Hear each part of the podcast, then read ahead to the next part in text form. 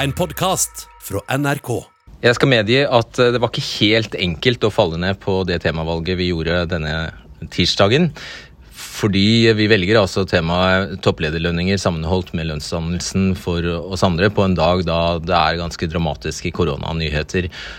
Likevel registrerer jo vi som alle andre at eh, folk er møkka lei både viruset og også egentlig diskusjonen om det. Det er vel en nokså utbredt koronafatigue ute og går nå. Og det er, eh, var i, i dag, så i går, så så vi at det var veldig få koronarelaterte debatter vi ikke hadde hatt før. Så, men det var likevel en vanskelig avgjørelse, fordi det har vært en såpass dramatisk dag, da. Det er viktig for oss å ikke skødde på andre viktige og store samfunnsdebatter, og dette, mener vi, dette temaet mener vi kvalifiserer som det. Jeg vil takke for innspill til kveldens tema. Det har kommet ganske mange likelydende forslag. Og det er viktig for meg å si at det skal lønne seg å stille opp i debatten. Og vi fører en linje der vi ikke dropper temaer bare fordi sentrale deltakere nekter å stille. Hvis vi hadde lagt oss på en motsatt linje, så tror jeg det hadde vært ganske fatalt. Så vi løser det på et, annet, på et vis her. Du får bare høre og bedømme selv. Vår oppgave er jo å belyse og få svar på vegne av seerne, og ofte er det jo gode svar på hvorfor ting er som de er, som vi da kan få ved at deltakerne, de, de relevante deltakerne faktisk stiller. Så jeg vil rette en spesiell takk til Toril Johnsen, som da er styreleder i Coop Øst, for at hun stilte og tok en for laget på mange måter.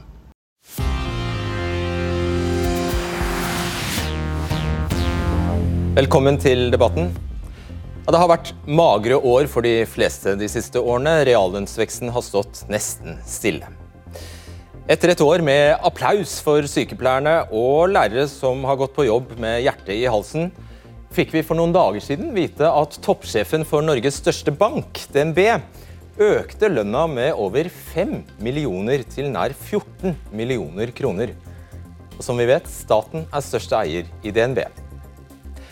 Alle som har et medlemskap i Coop, eier samvirkelagene. Og slagordet deres er som kjent 'litt ditt'. Derfor vil det kanskje overraske at sjefen for Coop Midt-Norge hadde over 11 millioner i lønn og pensjon i 2019. Så, når det går så bra for bedriftene, hva er da beskjeden fra arbeidsgiverne i NHO? Jo, alle må få svekket kjøpekraft i år. Reallønnsnedgang, mindre å rutte med, dårligere råd. Velkommen hit, Charlotte Pedersen. Du er butikkmedarbeider ved Lampehuset i Oslo. Der har du jobbet i 13 år. Og i dag fikk du dessverre en veldig kjedelig beskjed. Hva fikk du vite? I dag så fikk jeg vite at jeg fikk tredje runde med permittering nå fra bedriften Lampemagasinet. Tredje runde? Ja. Så hva, nå, hva, hva har skjedd tidligere? Eh, nei, i mars i fjor så var jo første runde. Da var vi permitterte fra slutten av mars og ut august. Og så hadde vi jo første runde med nedstenging tidligere i år. Da fikk vi også permittering. Men vi fikk jo komme tilbake igjen siden vi lå utenfor senter. Og nå har de jo stengt alt ned igjen, og det fører jo til permittering igjen, da. Hm. Og dette er en bransje der folk ikke tjener veldig mye. Såkalt lavtlønnsbransje, faktisk. Vil du fortelle oss hva du tjener? Litt over 400 000 i normalår. Det ble jo litt mindre i fjor pga. permitteringer. Ja, ikke sant. Og Hvilke tanker gjør du deg da når du hører om slike beløp som jeg nettopp refererte her? Jeg syns jo det er litt sånn uvirkelig. Jeg tok meg jo friheten å regne litt på det i dag. Og hvis du tar den lønna og deler på 365 antall dager i året, så er dagslønnen mer enn min månedslønn. Til DNB-sjefen? Til DNB-sjefen, ja. For å sette det litt i perspektiv, da. Ja, det gir et visst perspektiv. Og hvis du hadde liksom, De jobber jo ikke hver eneste dag, så egentlig er det enda høyere enn det også. Ja. Og butikkmedarbeidere havner på 328.-plass på lønnsrangeringen i Norge.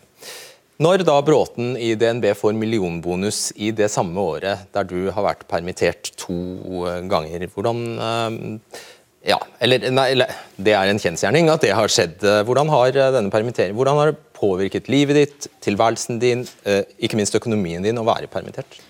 Det er jo mye usikkerhet, da. Det vil jeg si er noe av det verste med det. Du vet ikke hva som skjer. Eh, fordi mange ble permittert på én gang, så er det jo selvfølgelig lange behandlingstider. Selv så måtte jeg vente to måneder første gangen jeg var permittert for å få svar på om jeg fikk dagpenger i det hele tatt.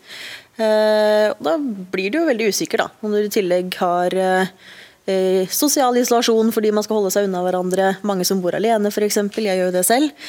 Eh, og du plutselig ikke har jobben din som nettverk heller, så blir det en veldig spesiell situasjon. Mm. En annen måte, og Nå har jo du regnet ut eh, at hun har like mye på én dag som du har i løpet av et år. En annen måte å se det på er at du må jobbe i 35 år for å komme opp på på det nivået som hun, hun er 35 år. Det er ikke, ikke sikkert at du har det engang. En, en hva forventer du deg eh, framover, da? Jeg forventer jo at man faktisk eh, belønner de som har eh, båret samfunnet vårt fremover.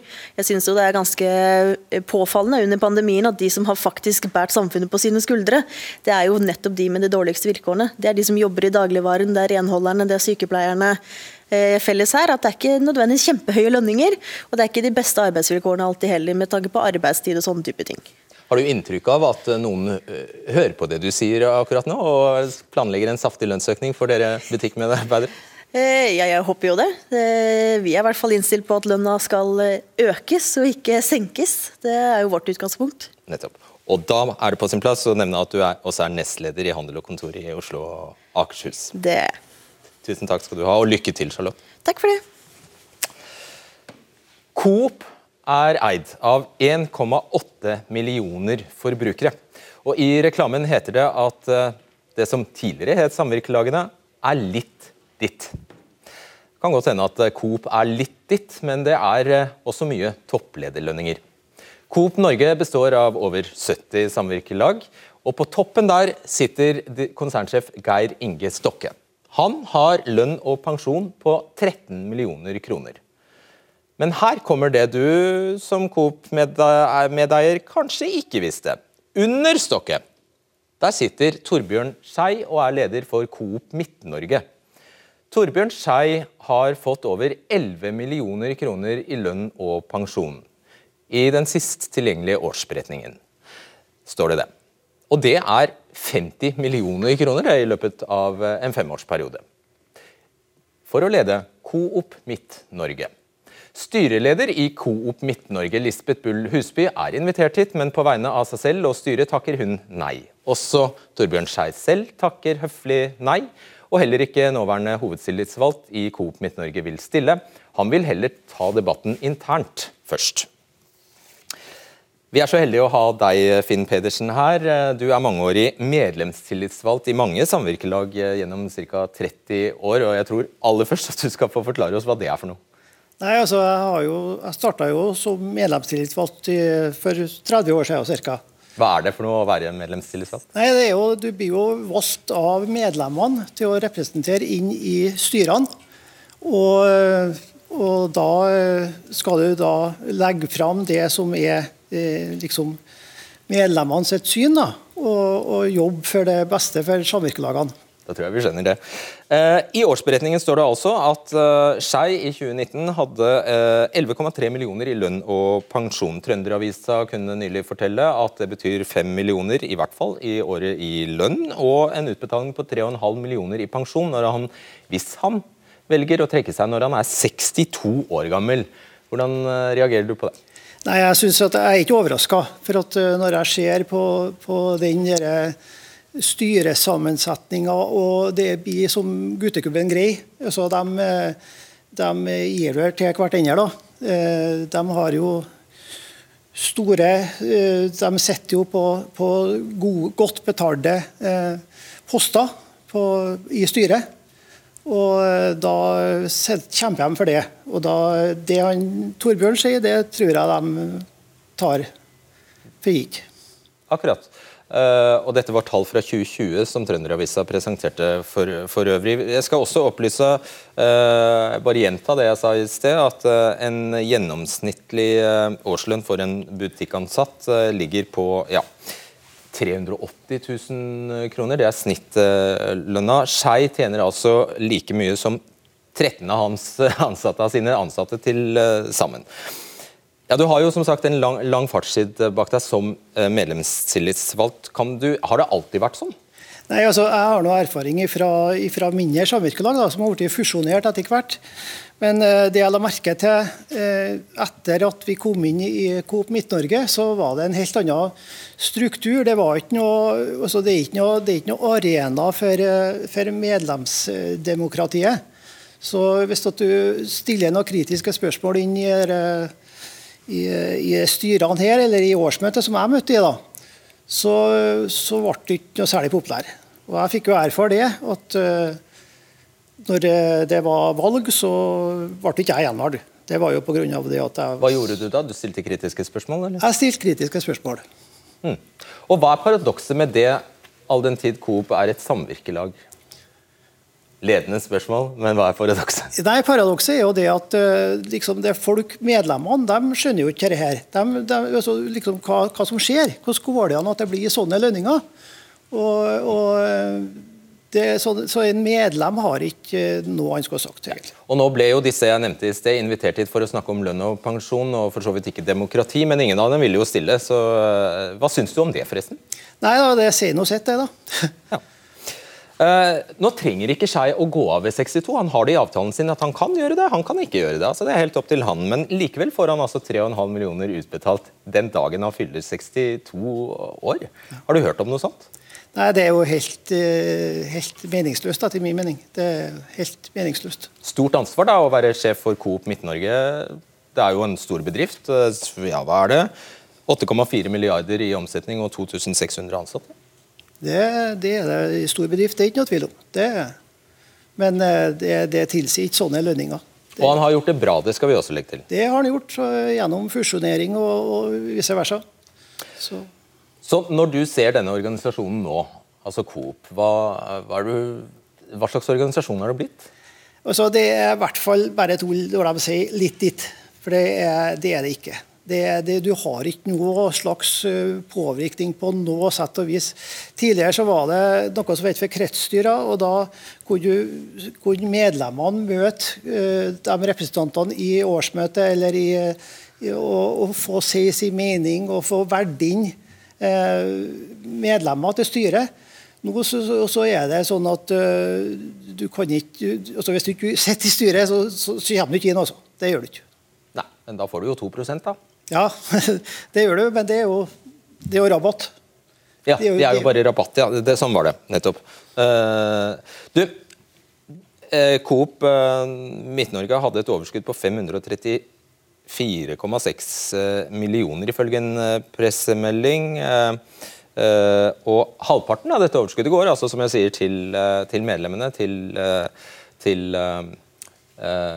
kundene. Eh, egentlig. Med disse avlønningene, tror du at prisene kunne vært eh, lavere i stedet? Ja, det mener jeg. Det måtte ha vært. Eh, helt klart, altså Det som kommer tilbake til medlemmene, sånn som de sier, det er jo, det er jo, det er jo, det er jo en rabatt. Det er jo, det er jo ikke vær. Det er, altså, det er jo det det er. Ja. Bare avslutningsvis, hva er det uh, hva, hva, hva skal til hvis man mener at dette er for høy avlønning og for gode pensjonsordninger. Hva skal man gjøre som Coop-medlem? Nei, det, det, det, skal ikke jeg fortelle. Nei. Det, det, er bare det at den organisasjonen den er sånn som den er. og Nei, det ser ikke jeg noe mulighet til å påvirke på noe vis. Mm, så det er ikke så mye å gjøre? Nei. Annet enn å sette søkelys på det, kanskje? Ja, ikke. Ah, akkurat. Foreløpig takk. Vi skal bevege oss til Coop Midt-Norge fra Coop Midt-Norge til Coop Øst. Og Der finner vi administrerende direktør Tore Tjomsland. Han sitter på en like gunstig pensjonsordning som direktør Skei, som betyr at uansett, uansett hva som skjer på børsene, uansett om han velger å ja, gamble vekk alle pengene på aksjer, eller uh, uansett hva han velger å gjøre med de pengene, samvirkelaget vil måtte betale ut to tredeler av sluttlønna hans hvert år inntil han dør.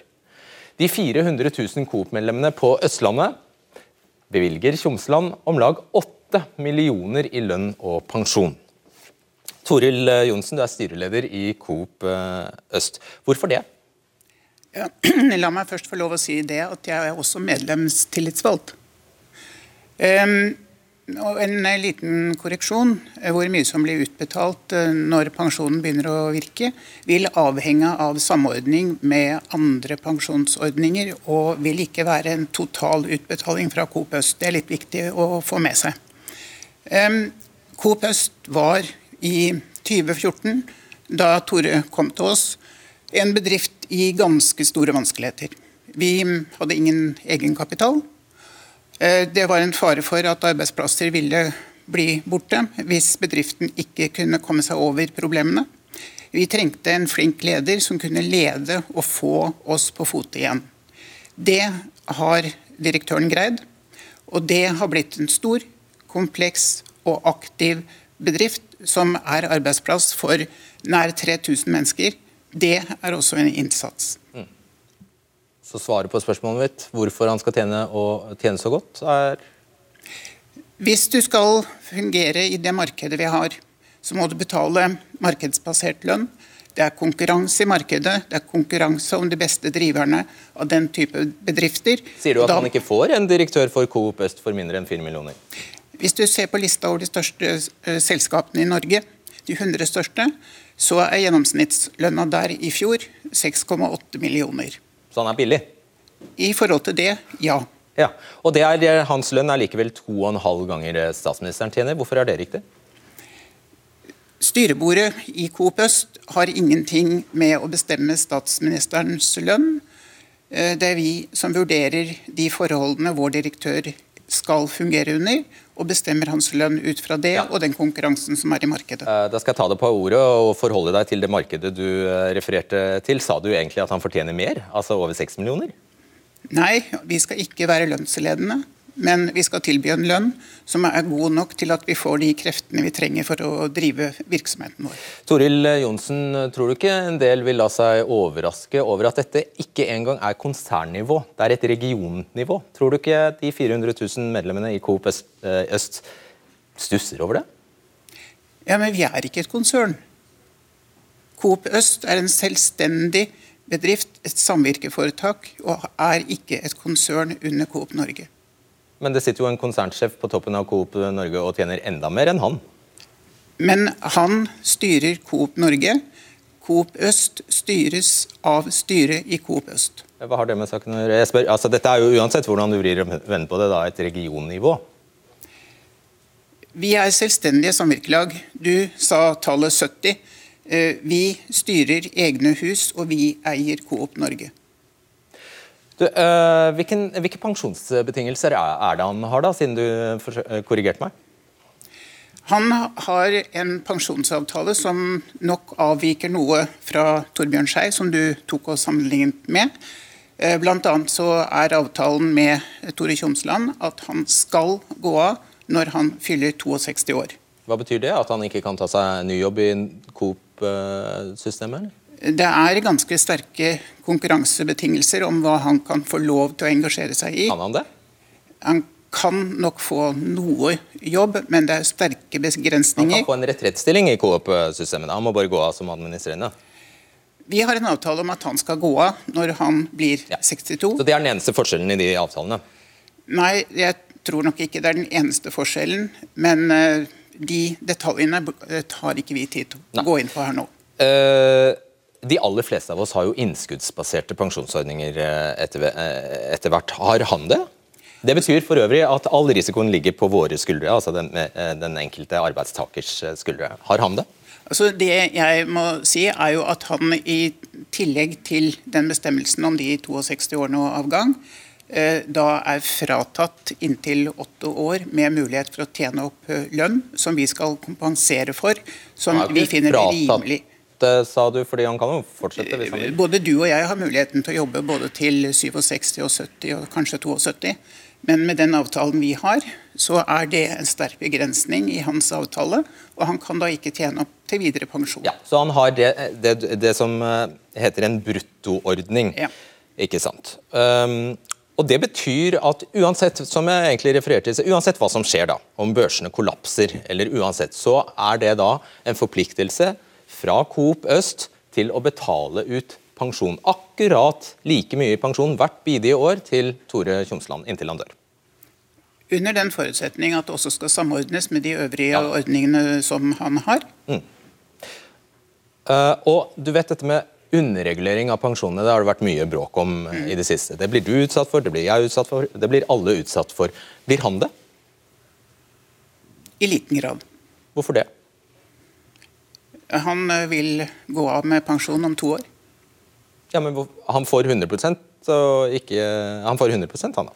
Altså, hans eh, pensjonstilværelse vil eh, oppstå om veldig kort tid. og Jeg regner ikke med at det skjer store endringer på dette området på så kort tid. Ja, men det er jo etter at man er blitt pensjonist at dette er interessant og relevant. Alle vi andre får en avkorting av pensjonen, altså vi får underregulert pensjonene våre. Jeg spør om, Vil han få det? Vil det være en beslutning i Coop sitt styre på, på ethvert uh, aktuelt tidspunkt hva som skal være reguleringen?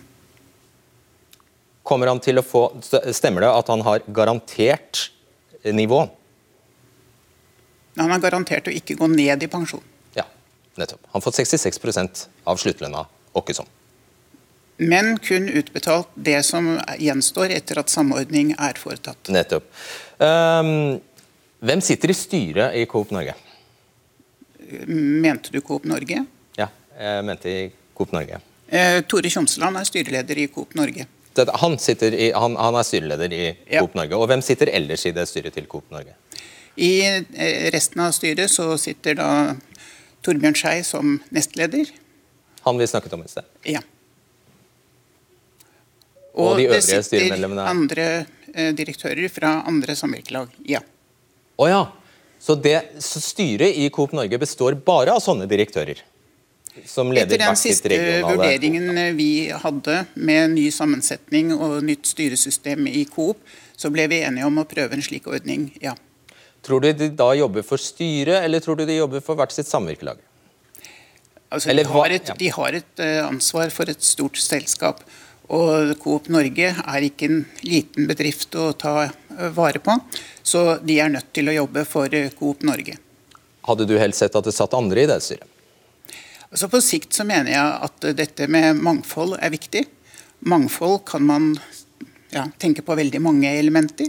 Og jeg tror det er viktig at vi også får med oss noe mer mangfold. Ok, Helt på tampen her, og du skal ha tusen takk for at du i det hele tatt stiller opp på dette her, eh, Toril Johnsen. Det skal du virkelig ha. Det takker jeg deg virkelig for. Tror du at matvareprisene kunne vært lavere hvis ikke Coop-systemet hadde måttet bruke 38 millioner kroner på lønn og pensjon til de ti medlemmene av konsernledelsen. 40 millioner ish på Tjomsland, 50 millioner på Skei. Tror du matvareprisene kunne vært lavere? Nei, det tror jeg ikke. Fordi at du trenger dyktige folk til å drive med innkjøp. Du trenger dyktige folk til å strukturere la meg kalle det infrastrukturen. Du trenger dyktige folk til å skolere og få folk til å stå i førstelinje.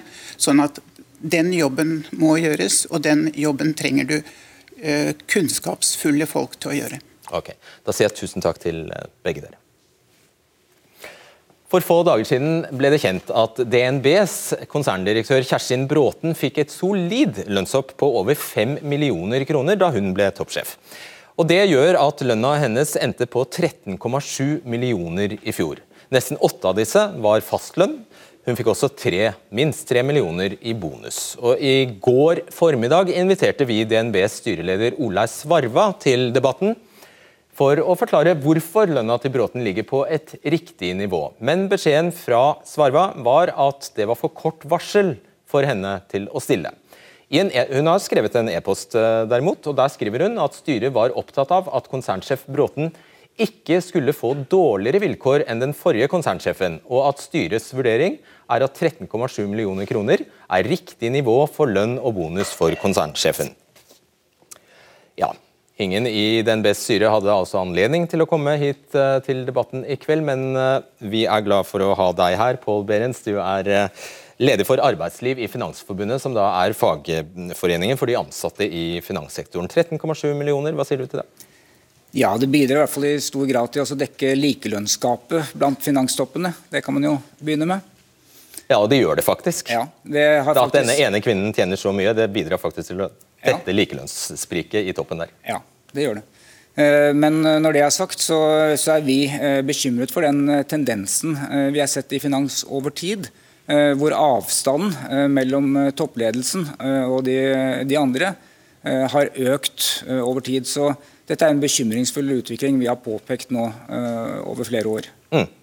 Eh, og jeg må bare innrømme det at jeg har fått flere tilbakemeldinger etter at denne nyheten om de fem millionene i lønnsøkning til eh, Bråten sprakk, så er det ansatte i DNB som har tatt kontakt og er veldig opprørte. For de opplever en hverdag der det, der det er innstramminger og nedskjæringer, og eh, de har sittet på hjemmekontor i et he helt eh, år, og det var nær, nær sagt ingen lønnsøkning i fjor.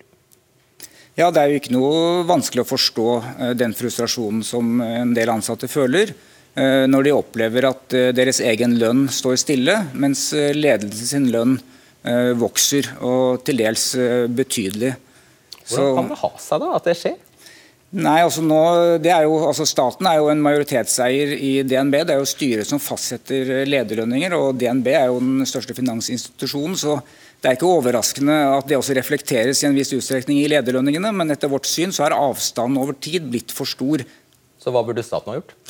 Eh, ja, Det får du jo spørre staten om, men uh, ja, ja, etter vårt syn så, så bør styret være mer opptatt av en annen uh, fordeling av lønnsmassen og overskuddet. slik at flere De burde flere en stopper for sånne avtaler. Jeg sier ikke det. Jeg sier at flere ansatte burde nytte godt av overskuddene i finansinstitusjonene i en annen utstrekning enn det det gjøres i dag.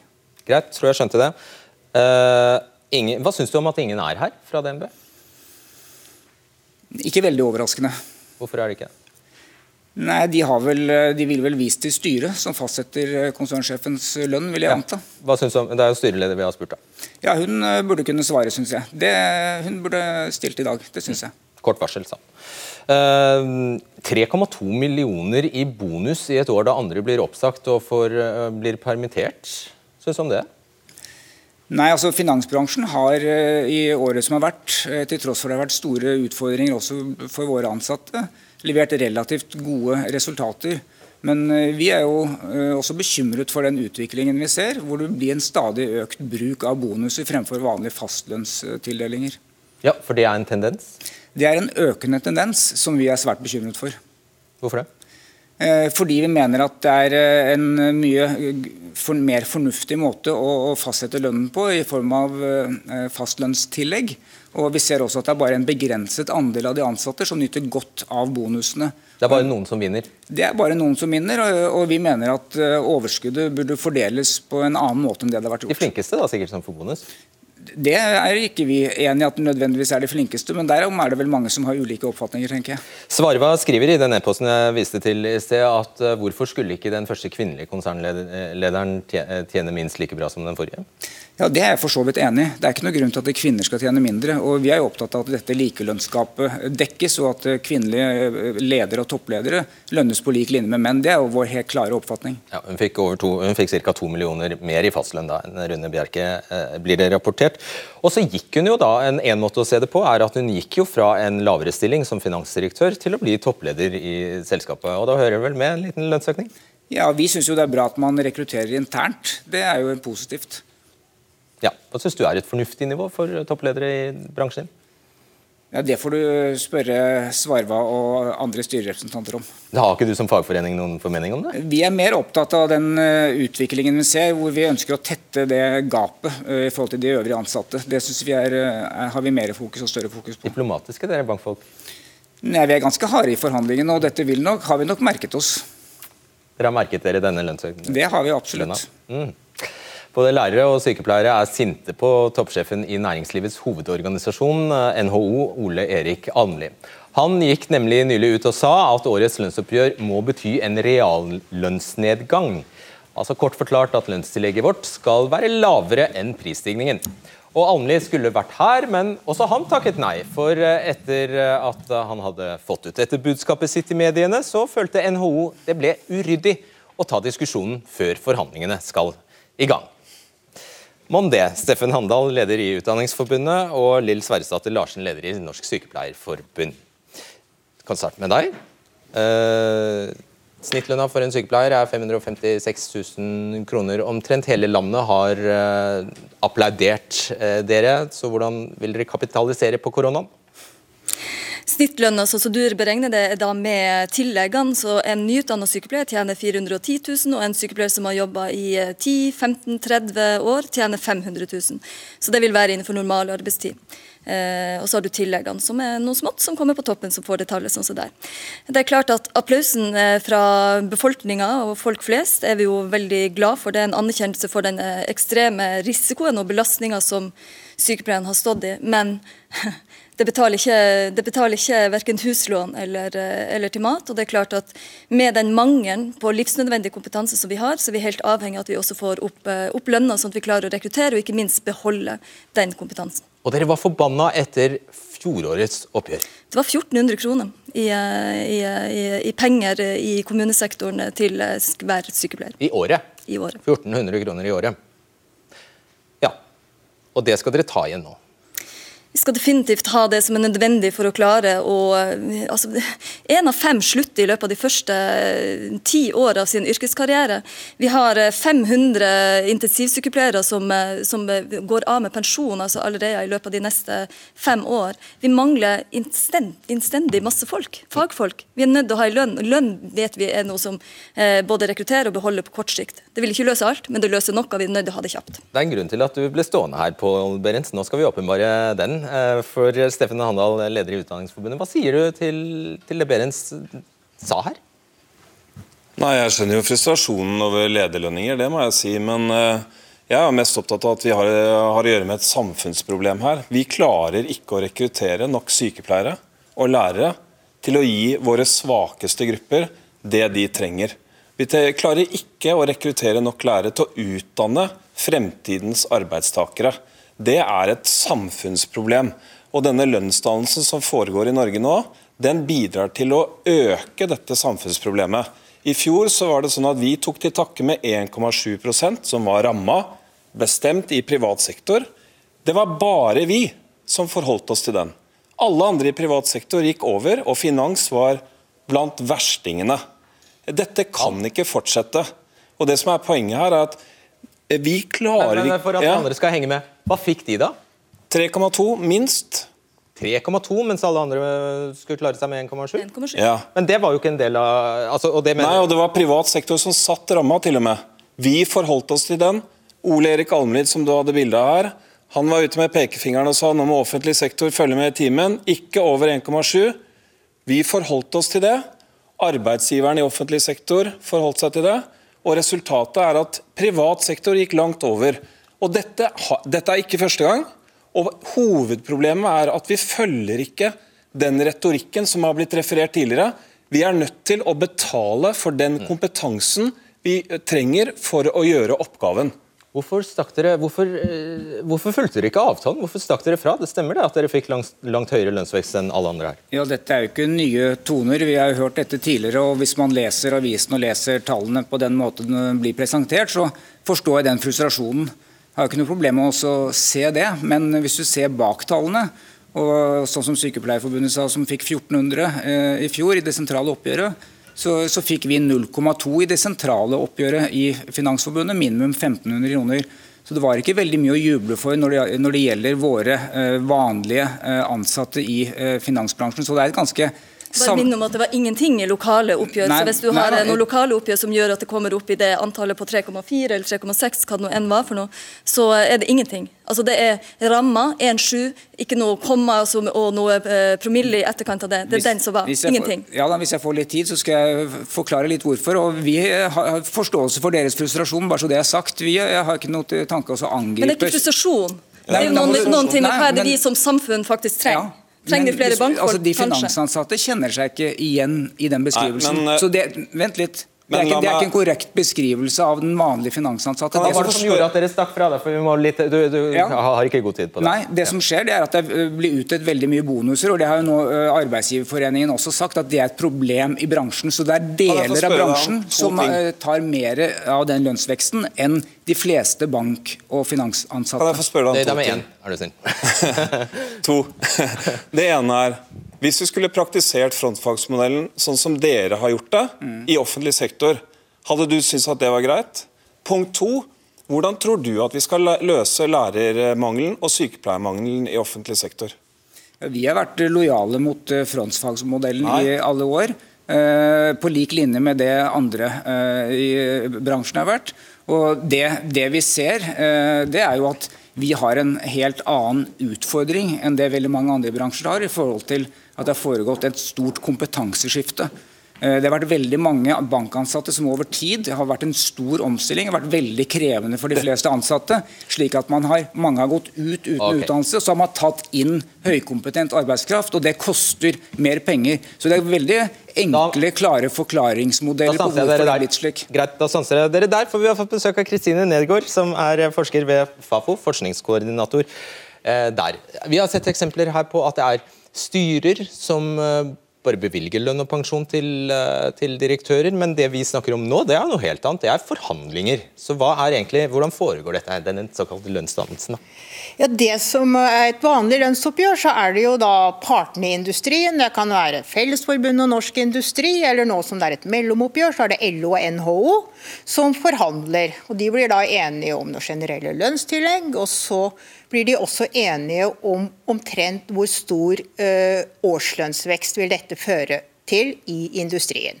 Det regner de både arbeidere og funksjonærer. Mm. Og Det er da det som kalles frontfagsramma, og den blir uh, ja, her vil man antagelig si tredd nedover huet på de andre. Altså, det er sånn at både transport, varehandel, men også offentlig sektor i hovedsak får et lønnsoppgjør som ligger innafor den ramma. Ja. De får ikke mindre, men de får heller ikke mer. Nettopp. Så, i et år da det har vært applaus for sykepleierne, og lærerne har stått med, med hjertet i halsen i klasserommene, fungerer det sånn at de kan ha gjort seg fortjent til et saftig lønnspåslag? Det er sikkert mange som tenker at det hadde vært fint, men sånn som lønnssystemet eller lønnsdannelsen i Norge er, så kommer nok arbeidsgiverne i staten og i kommunene til å si at Nei, vi følger eh, Vi kan ikke gi mer enn frontfagsramma. Og da blir det eh, den ramma som LO og NHO kommer til å bli enige om sånn litt etter påske. Er det bare nå de har fått mindre enn de andre, eller hvordan har dette vært over tid? Nei, Det var nok i år, heller i 2020, da, at man virkelig bomma på hvor stor lønnsveksten ville bli.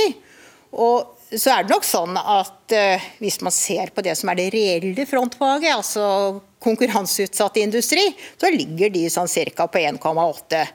Uh, men det er andre bransjer i privat sektor som har fått mer. Sånn som han? Sånn som han. Mm. Uh, men hvis man ser over de siste fire, fem, seks åra, så er det ikke noen store forskjeller på prosentvis lønnsvekst i industrien og i offentlig sektor. Helt avslutningsvis, hvor oppsiktsvekkende altså det, Selvfølgelig det er veldig rituelt dette her, at alle lar seg provosere av NHO-sjefen som går ut og sier at vi skal ha reallønnsnedgang, men hvor særskilt er det? Du, Jeg har fulgt dette her ganske lenge, og NHO har aldri gitt ut noe penger før lønnsoppgjøret starta. det er vel antagelig sånn. Takk, eh, du kan bare bli stående. Men uh, hva sier du til dette, Larsen? Så, du tegner et nidbilde, nesten. Hva du sa nå? Unnskyld. Du tegner, et, du, du, du tegner uh, bildet altfor svart. Dere har ikke vært lønnstapere. Det kommer til å jevne seg ut.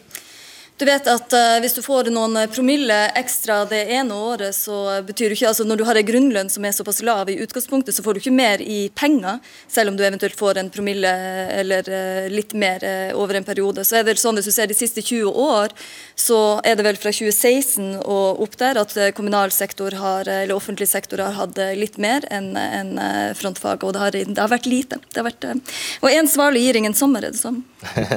Dette systemet har svakheter, og man kan godt si at ja, vi skal fortsette som nå. Men da vil vi altså mangle tusenvis av eh, lærere og sykepleiere i årene framover også.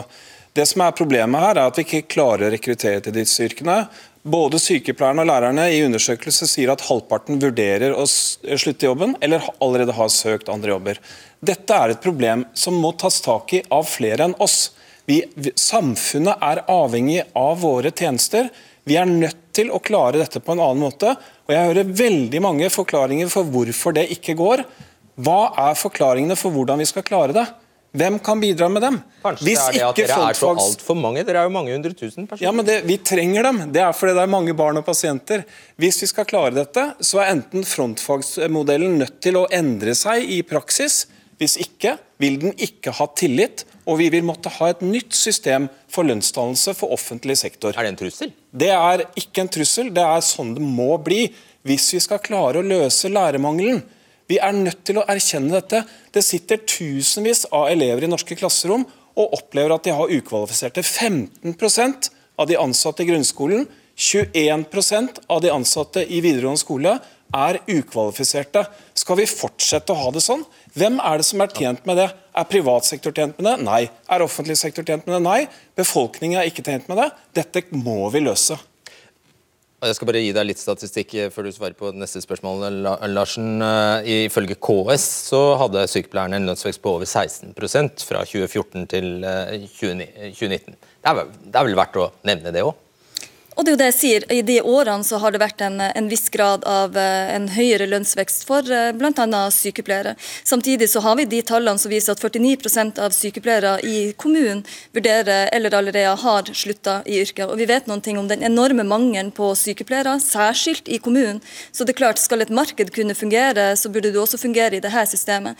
Så måten frontfagsmodellen praktiseres på, gjør at uh, sementerer de forskjellene som allerede er, og gjør det umulig for oss å klare å både beholde livsnødvendig arbeidskraft, men også rekruttere nye. Du skal få avslutte, eh, siden du står der alene og du må være eh, kort. Det, det, egentlig, det, de egentlig sier her, er at det er de bonusene dere har fått, som kan ende med å torpedere hele dette fantastiske systemet som alle syns er skryter av annenhver dag. Ja, Det er en helt uh, fullstendig feiloppfatning. Uh, Frontsfagmodellen vil vi fortsette å følge. og Det er ikke, det er ikke Finansforbundet og Finans som vil være årsaken til at man ikke klarer å rekruttere lærere og sykepleiere. Men vi har stor sympati, og vi forstår at uh, dere har utfordringer uh, i forhold til rekruttering. Jeg vil ikke ha sympati. Uh, vi trenger en lønn for å rekruttere nok folk. Det er det som er problemet. Ingen er tjent med at vi har disse tjenestene uten kvalifiserte Men staten kan jo heller ikke gå foran og være si Du kan se på, lønns, kan se på lønnsutviklingen for læreryrket. Vi har sakket akterut med 14% på 15 år. Det er nødt til å rettes opp hvis vi skal klare å ordne opp i dette. Berens kan ikke bidra med noe særlig annet enn sympati jeg er redd i denne omgang, fordi nå er det også over eh, her i kveld, så tusen takk skal dere ha. Eh, før vi avslutter helt, skal jeg minne om at eh, du kan få vite litt om hvordan vi har tenkt da vi satte sammen denne sendingen i podkastutgaven av debatten. Den ligger klar om en times tid, og du finner den der du finner podkastene dine ellers. Takk for i kveld.